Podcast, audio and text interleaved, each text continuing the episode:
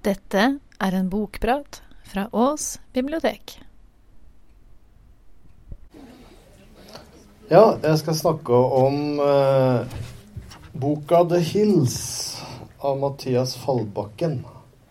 Er det noen som har lest den? Den eh, kom i fjor og fikk ganske stor suksess. Eh, litt, litt spesiell. Eh, den handler om The Hills, er da en sånn fiktiv restaurant som eh, liksom ligger da i Oslo. Og den har da historie tilbake til 1800-tallet, denne restauranten. da. Og den er skildra på en måte så at den, den kan vekke assosiasjoner på en sånn slags, ja, slags blanding av Lorry og Theatercaféen. Eh, skal være en ganske fin restaurant der, da. Og der holder de veldig sånn fast klassisk eh, europeisk eh, kafékultur som strengt tatt ikke lenger finnes. Eh, men som de bare ja, som alle de hvite dukene og kontinentale aviser som de har og sånn. Diskré stil og sånn. De forsøker å imitere den fremdeles, da. Så man kan jo på en måte si at ideen om det gamle Europa, da, den holdes i hevd på, på The Hills. Uh, ja. Der har alt har sin plass, og lite eller ingenting trenger inn utenfra det, boka er også på en måte et speil, altså restauranten. da, Et speil for det selvsentrerte, overmette konsumsamfunnet.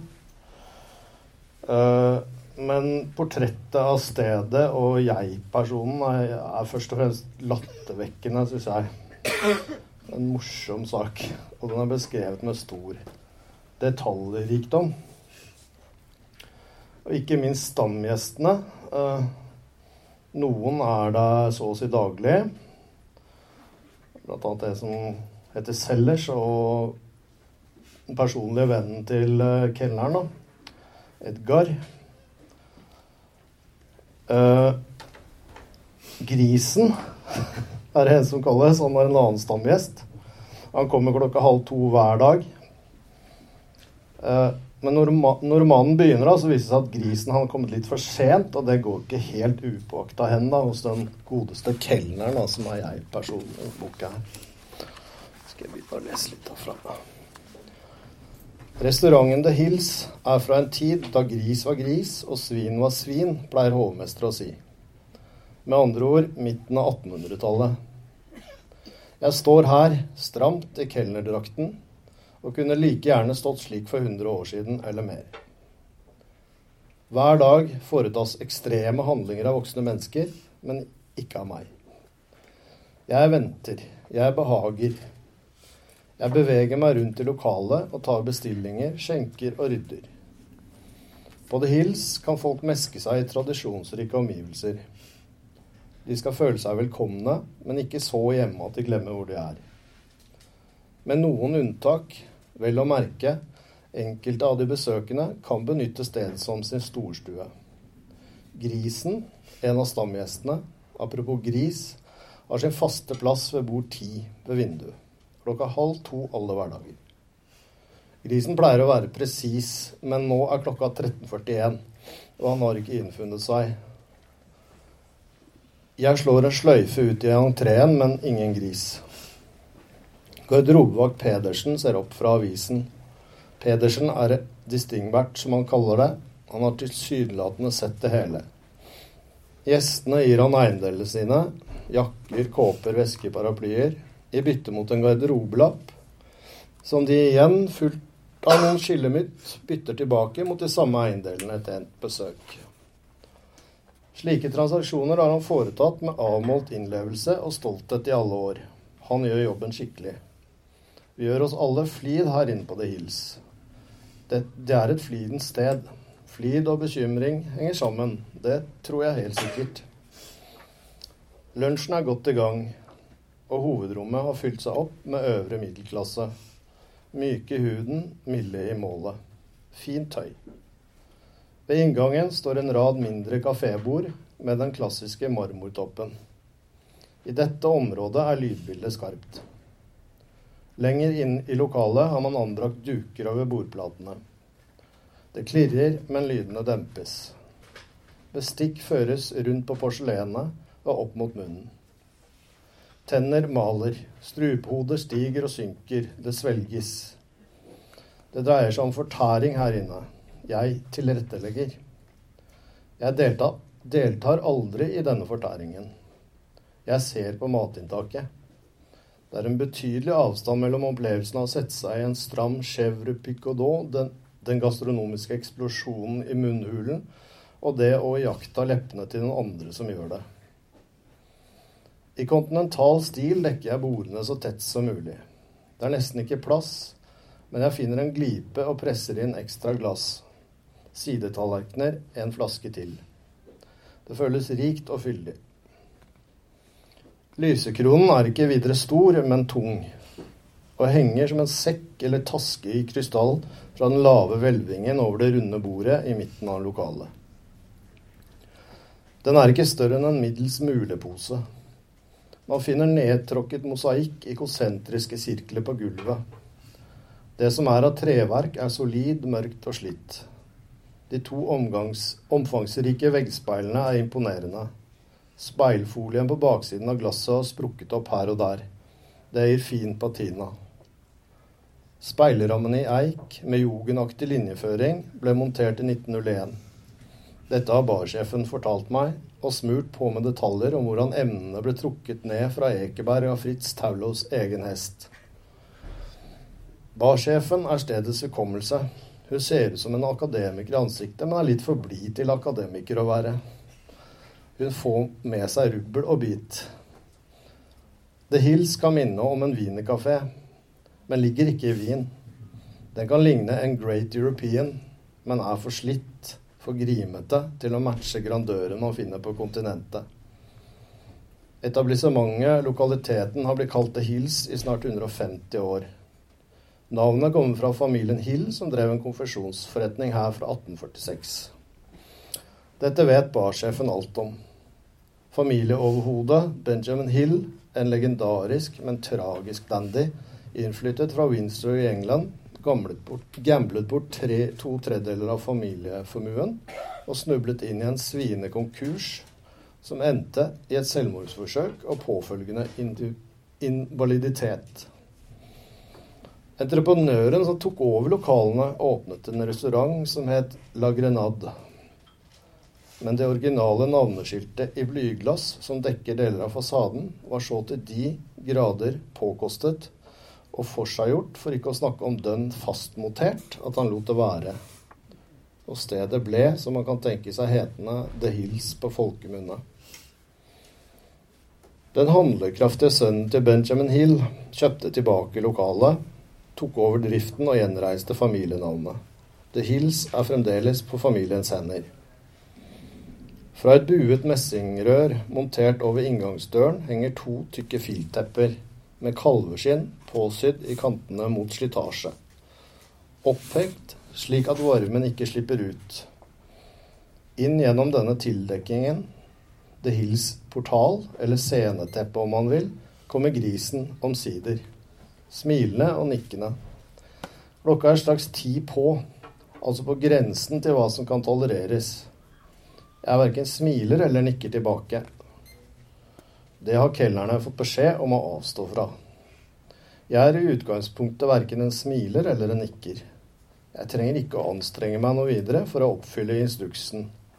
Møt gjestene med et blankt, men tjenestevillig ansikt. Pokerfjes er en del av håndverket. Beklager forsinkelsen, sier grisen og ler unnskyldende. Ikke med grynt, men med en slags vrinsk. Hva heter det vrinske som et esel lager? Et hyl? Grisen ler med et skarpt hyl, slik han ofte gjør. Jeg har ofte tenkt tanken at grisen er et esel, i overført betydning. Et esel slik man kjenner det fra europeisk mytologi og litteratur. Altså ikke det gamle greske sta og dum, men det bibelske pålitelig og lojal men altså ikke videre pålitelig akkurat nå. Hvor mange blir vi i dag? Fire, inkludert meg, sier grisen. Og de andre er på vei? Det regner jeg med. Det finnes mange måter å kle seg på. Grisen har valgt den eneste akseptable, uklanderlig.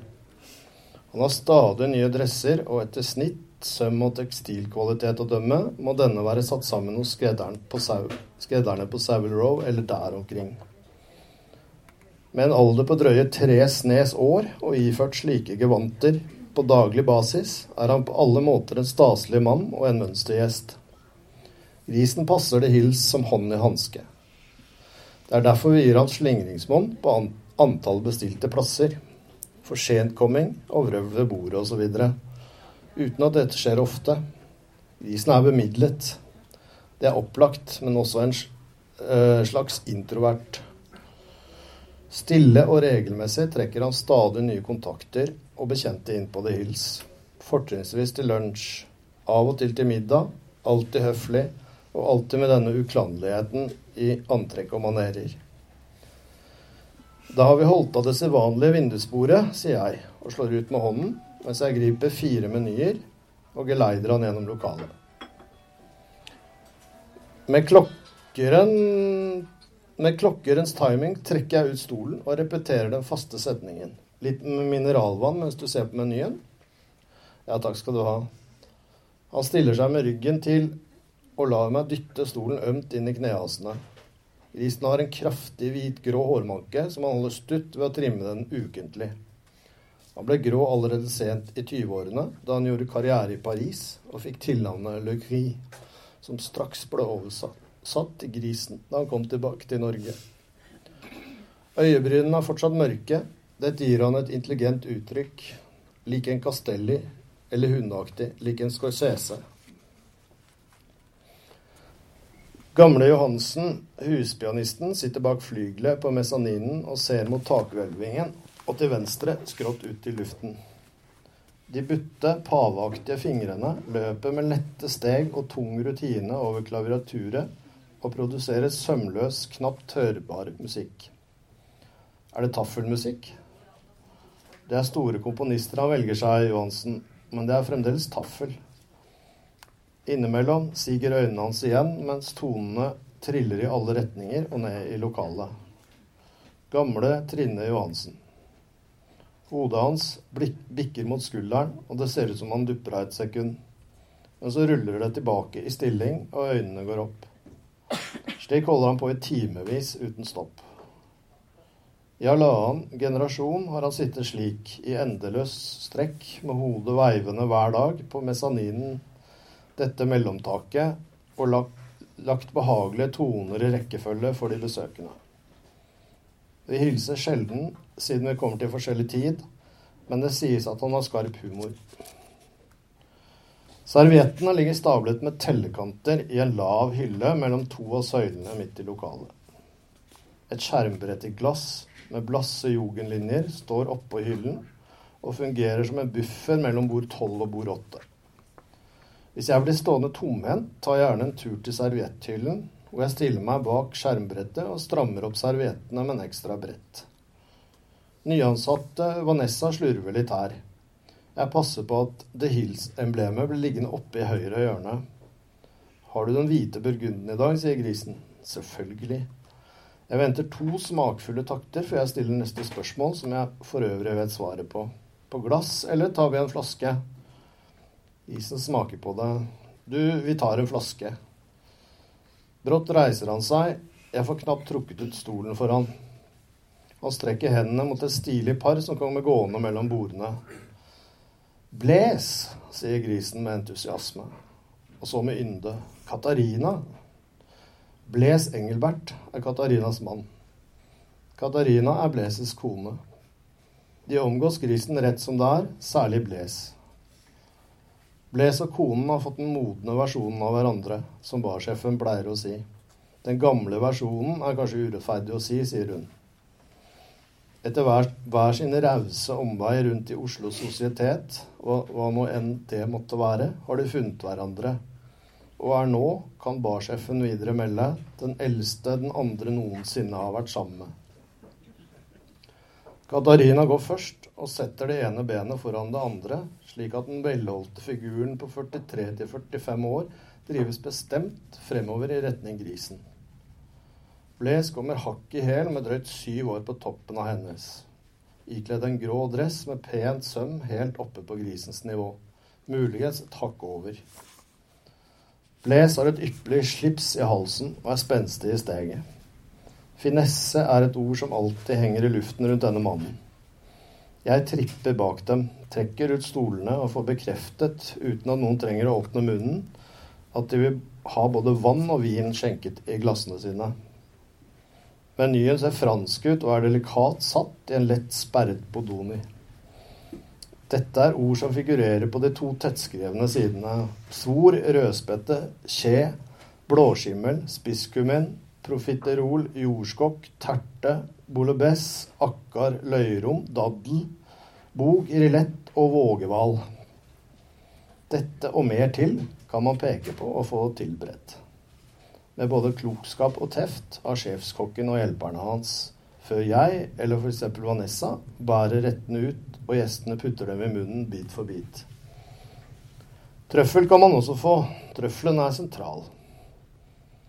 Vanessa, den relativt ferske kelneren med det sarte ytre og en kort guttesveis med et talent hemmet av ambisjon, rekker duker, retter duker mens jeg slår et slag i lokalet og skjenker i litt her og behager litt der. Den stakkars skuespilleren som ble tatt for dokumentfalsk nylig, får seg en påtår. Man ser allerede en tilvassing av øyeeplene hans. Når grisens selskap har sett på menyen et minutt eller to, er jeg på pletten og skjenker vann. Bles avviser brått den hvite burgunden før jeg rekker å spørre.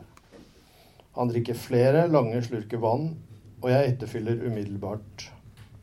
Så gir han tegn til at vinen skal skjenkes. Jeg vrir flasken med klokken etter, hvert, etter hver gang jeg har skjenket, for å fange opp den siste dråpen. Taktfullt leder jeg meg over grisens skulder og spør mildt om vi skal vente på fjerde og siste person. Grisen ser på armbåndsuret. Er det noen som har hørt fra henne? Klokken er 14.03. Vi er en halvtime på overtid. Blaise og konen rister på hodet. Hun har bekreftet, sier Blaise. For all del, sier grisen. For all del. Bakhodet til Blaise avlangt og ung, ungdommelig. Han strekker hals og kikker mot inngangspartiet. Hårfestet er klassisk og rent og speiler hakelinjen på en fordelaktig måte. Også nesevinkel, bryn og kinnbeinas krumming gjentas med fin rytmikk i hårlinjen, slik den løper fra tinningen og ned mot øret. Nakken er gutteaktig, tross alderen, blikket våkent.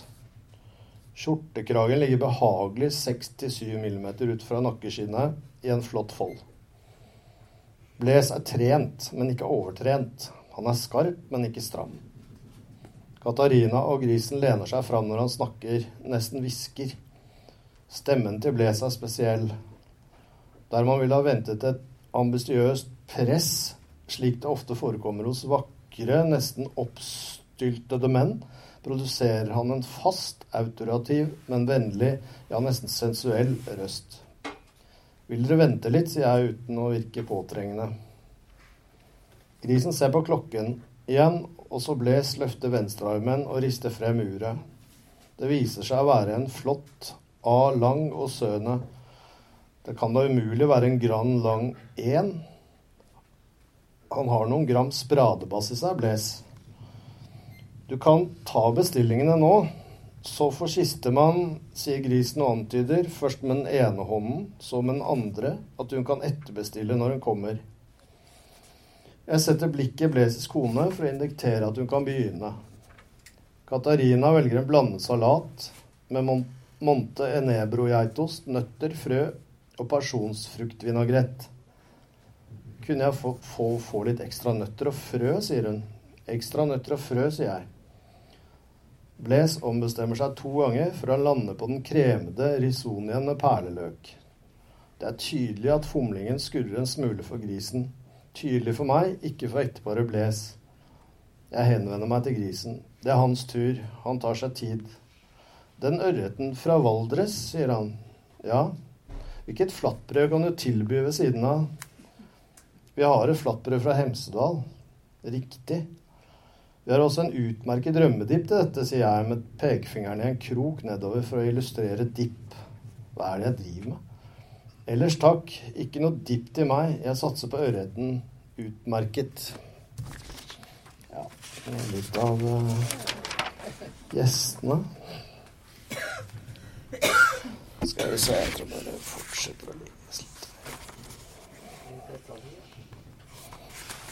Ja, det er mye detaljer her.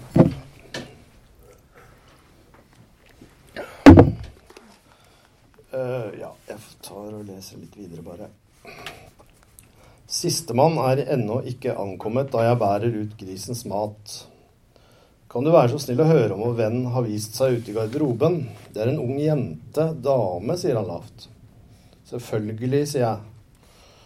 Grisen trekker opp telefonen og viser meg et bilde av jenta. Hva slags smakløshet er dette? Meget ulik grisen. Det har dannet seg en liten kø foran garderobeskranken. De er eldre alle sammen, og menn. Jeg vet ikke hvem jeg ser etter, men siden ung og jente, dame, er signalementet, ser det dårlig ut. Gamle Pedersen håndterer herrejakke etter herrejakke. Er det noen som skal møte Graham, sier jeg høyt. Fire reagerer ikke, og en rister svakt på hodet. Jeg spør Pedersen, men han har ikke sett noen. Jeg går ut på gaten og ser først oppover mot trikkeholdeplassen, så nedover mot Stortinget. Blikket mitt streifer det såkalte dansehullet, en liten forsenkning i asfalten som enkefru Knipskild en gang tråkket i. Hun snublet og måtte skritte ut noe voldsomt for å unngå å falle. Samtidig slengte hun armene fra side til side, så det lignet en slags razzle-dazzle, derav navnet Dansehullet. Alle kelnerne så det. Det er sent i november, og selv om det er en strålende dag, klarer jeg ikke å ta den inn. Vanen er et teppe som legger seg over sakens natur, som det heter. Byen er blass, tross den gnistrende høstsolen, og alltid den samme banal. Jeg ser henne ikke. Hm. Grisen innvilger seg et seigt, nipp hvit burgund. Bles holder blikket på han. Si ifra hvis det er noe mer, sier jeg. Eh, jeg har aldri sett noen være oppfarende eller ubehagelig i Grisens selskap i løpet av de 13 årene jeg har jobbet der. Men nå snakker Bles bestemt til grisen. Og grisen, som ikke på noen måte kan sies å være ettergivende og veik, fremfører en serie unnskyldende gester.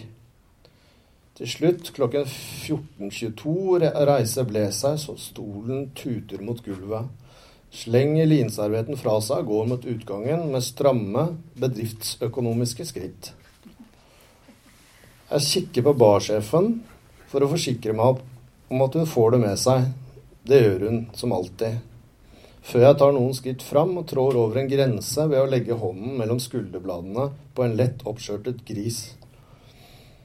Katarina blir sittende og stikke på nøttene og frøene før hun mekanisk puffer effektene sine tilbake i håndvesken og reiser seg lydløst.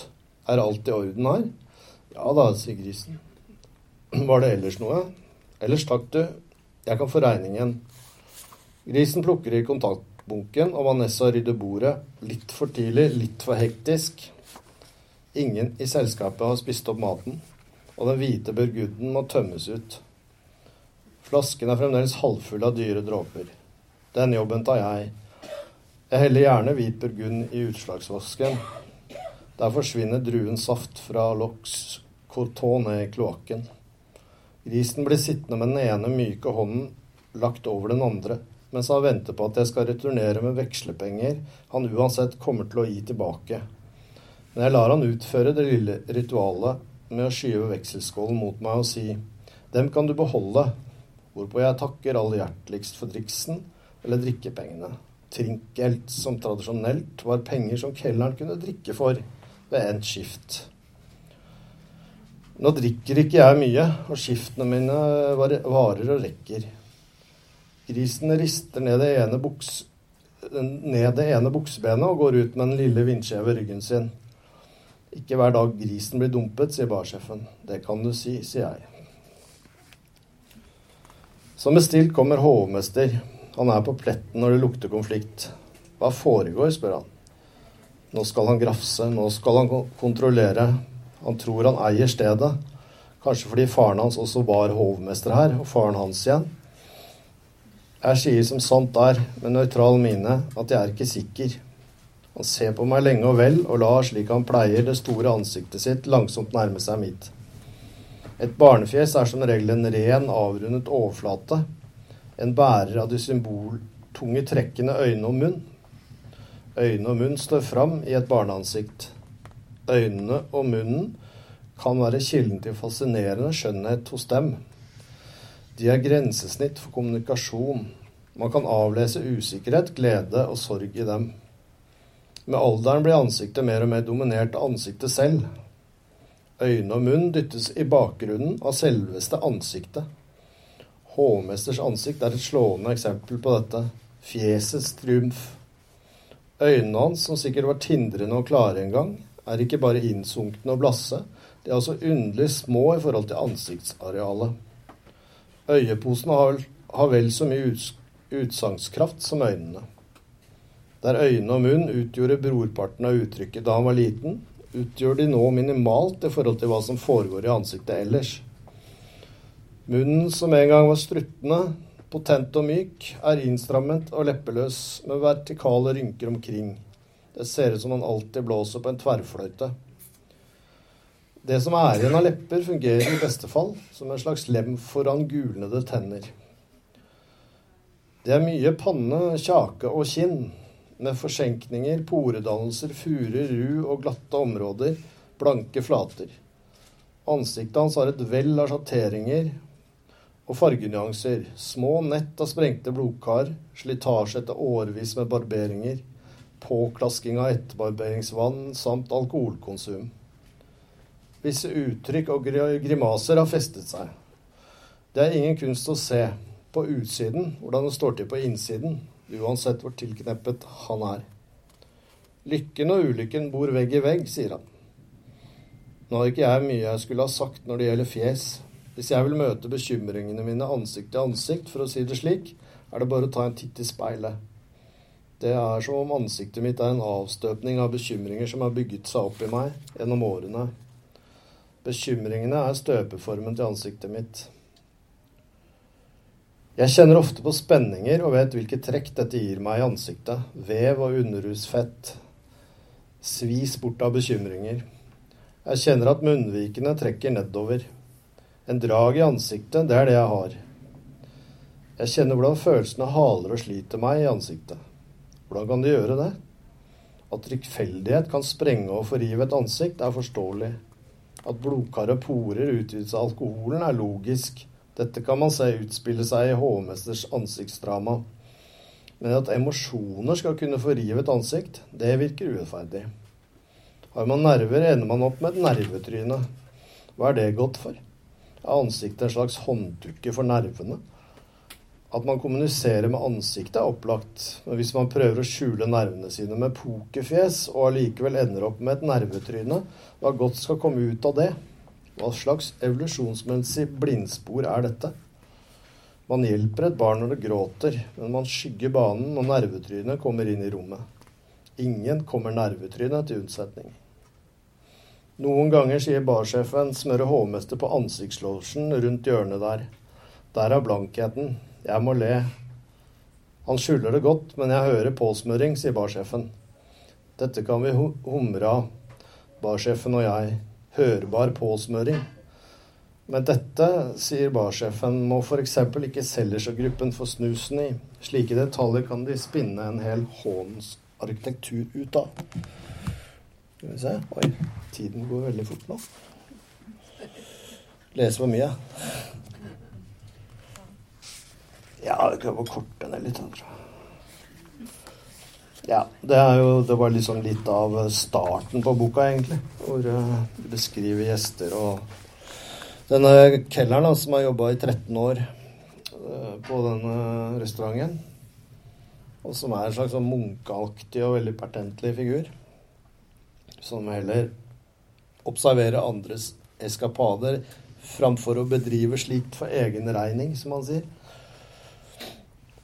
Uh, Uansett, jeg skal bare lese litt til, da. Eh, dette er jo en veldig sånn konservert verden, men eh, etter hvert så kommer det jo litt sånn uro og forandring inn eh, her også.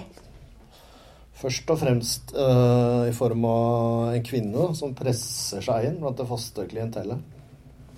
Jeg skal bare lese litt på slutten her. Frigiditet, var det noen som sa, er sannheten bak nymfomani. Impotens er sannheten bak, bak. Og anoreksi, ja, det er sannheten bak bulimi. Ikke husker jeg hvem som sa det, men jeg kommer på disse ordene idet den evinnelige, hadde jeg nær sagt, unge damen som har spurt etter grisen i det siste, atter en gang gjør sin entré. Filten deler seg. Her er hun. Seg selv. 100% Men samtidig smertefullt, generisk. Hun er brått, kan det virke som, etter et, bare et par dager, den hyppigst besøkende gjesten ved etablissementet. Hva er det hun vil?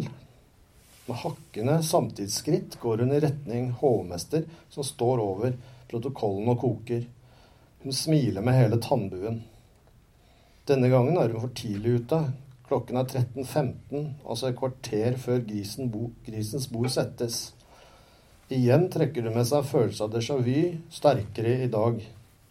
Kraften hennes, holdningen, sammenklemmingen av skulderbladene, skoene, den intelligente kontrapunkteringen i antrekket.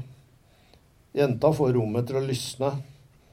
Arbeidsplassen min blir med ett en scene, en arena. Samtidig er det som hun trekker hele The Hills grandør, elde og langlydende flid ned på nivå med hoftekammen sin. Hils er et spiseri, men denne jenta uttrykker på mange måter hatet mot kjøtt, fantasien om det fysiske, det fysiskes grunntilstand, skjelettet. Hun snakker i telefonen. Jeg ringer psykologen min hvis jeg hører ordet negativitet, sier hun og ler. Edgar sa en gang abstrakt kvinne gis til kvinnen for konsumsjon, ungdom gis til ungdommen for konsumsjon. Jeg forsto ikke hva han mente, men det demrer på en måte når jeg ser denne jenta. Å gud, du er så gross, ler hun videre. Med tre fingre foran røret spør hun hovmester etter Graham. Hovmester forteller henne, ved hjelp av leppesettet, som snarere utgjør en stram ring, en lukkemuskel, en to atskilte leppebuer samt et knippe krumme fingre som antyder retning, at grisens bord er ledig om fem minutter. Kunne hun ta plass i baren så lenge? Den snakkesalige barsjefen, eieren av en flunkende ny registerhaug og en staselig tvapotte, står med ryggsøylen rak som et spett, og med et intelligent blikk og spør kontant hva, hva det skal være. Jenta ser blankt på henne, som om hun har vann foran øyene, øyeeplene. Så legger hun inn en bestilling. Og nå tykner plottet. Jeg følger nemlig nøye med på dette. Hun ber om en kvadruppel espresso. Barsjefen sperrer ikke akkurat opp øynene, hun er profesjonell. Men man kan se at hun gjør seg sine tanker, som det heter. Hun går straks bort til maskinen og presser den ene espressoen på toppen av den andre, inntil den blir kvadruppel. Jeg har gjort et opphold med smulekniven og blir vitne til at barsjefen fyller en vanlig kaffekopp breddfull med espresso for meg er dette et sjokkerende syn. Jeg blir svett bare av tanken på at espressoen er firedobbel. Jeg stirrer på ansiktet til jenta. Hun super. Hvordan skal man beskrive supingen? I en tid som vår, som Edgar sier, hvor det eksisterende politiske språk ikke kan tilby andre løsninger enn å holde andres elendighet på avstand gjennom kontroll, markedsutvidelse, hvit sunnhet, ekstremturisme og underholdning, hvordan skal jeg beskrive denne jentas drikking av en firedobbel espresso? Det finnes ikke noe politisk språk man kan formulere tidens konflikter med. Men så mye kan sies. Jenta drikker kaffen som om det er jeg som burde drikke den. Gir det mening? Hun drikker det med en slags utvendig nytelse. Jeg fornemmer espresso når hun drikker den. Koppen, formet av kvalitetsstentøy, stilt på en grom skål, føres opp til munnen med suggererende ro. De små skyene av damp, eller hva det er, som stiger opp fra varm kaffe, det må jo være vanndamp, ispedd noen duftpartikler. Hva er det som lukter? kaffe i og rundt dampen som stiger opp fra koppen kaffeatomer. Jeg roter meg bort. Det jeg forsøker å si, er at damen dampen fra koppen gjør noen helt oppskriftsmessige, innbydende blaff, som hva skal jeg si, selger kaffen til meg. Den kvadruple espressoen selges til meg, den høysensitive, av espressoen selv, hjulpet av jentas omgang med den. Det ser ut som barsjefen får behov for en tår selv. Hun følger like intenst med som meg. Ja. Jeg kan stoppe, jeg kan lese mye mer, men uh, tida går. Så. Og det fortsetter med disse detaljbeskrivelsene, da. Men også at dette her eh, Hun nye, da, som uh, inntrengeren hvordan det går videre med henne, og hvordan det går med restauranten, det skal jeg ikke si noe om. Den er morsom bok. Uh, I hvert fall var den det når jeg hørte den som lydbok. Og veldig godt, godt lest. Er det noen spørsmål?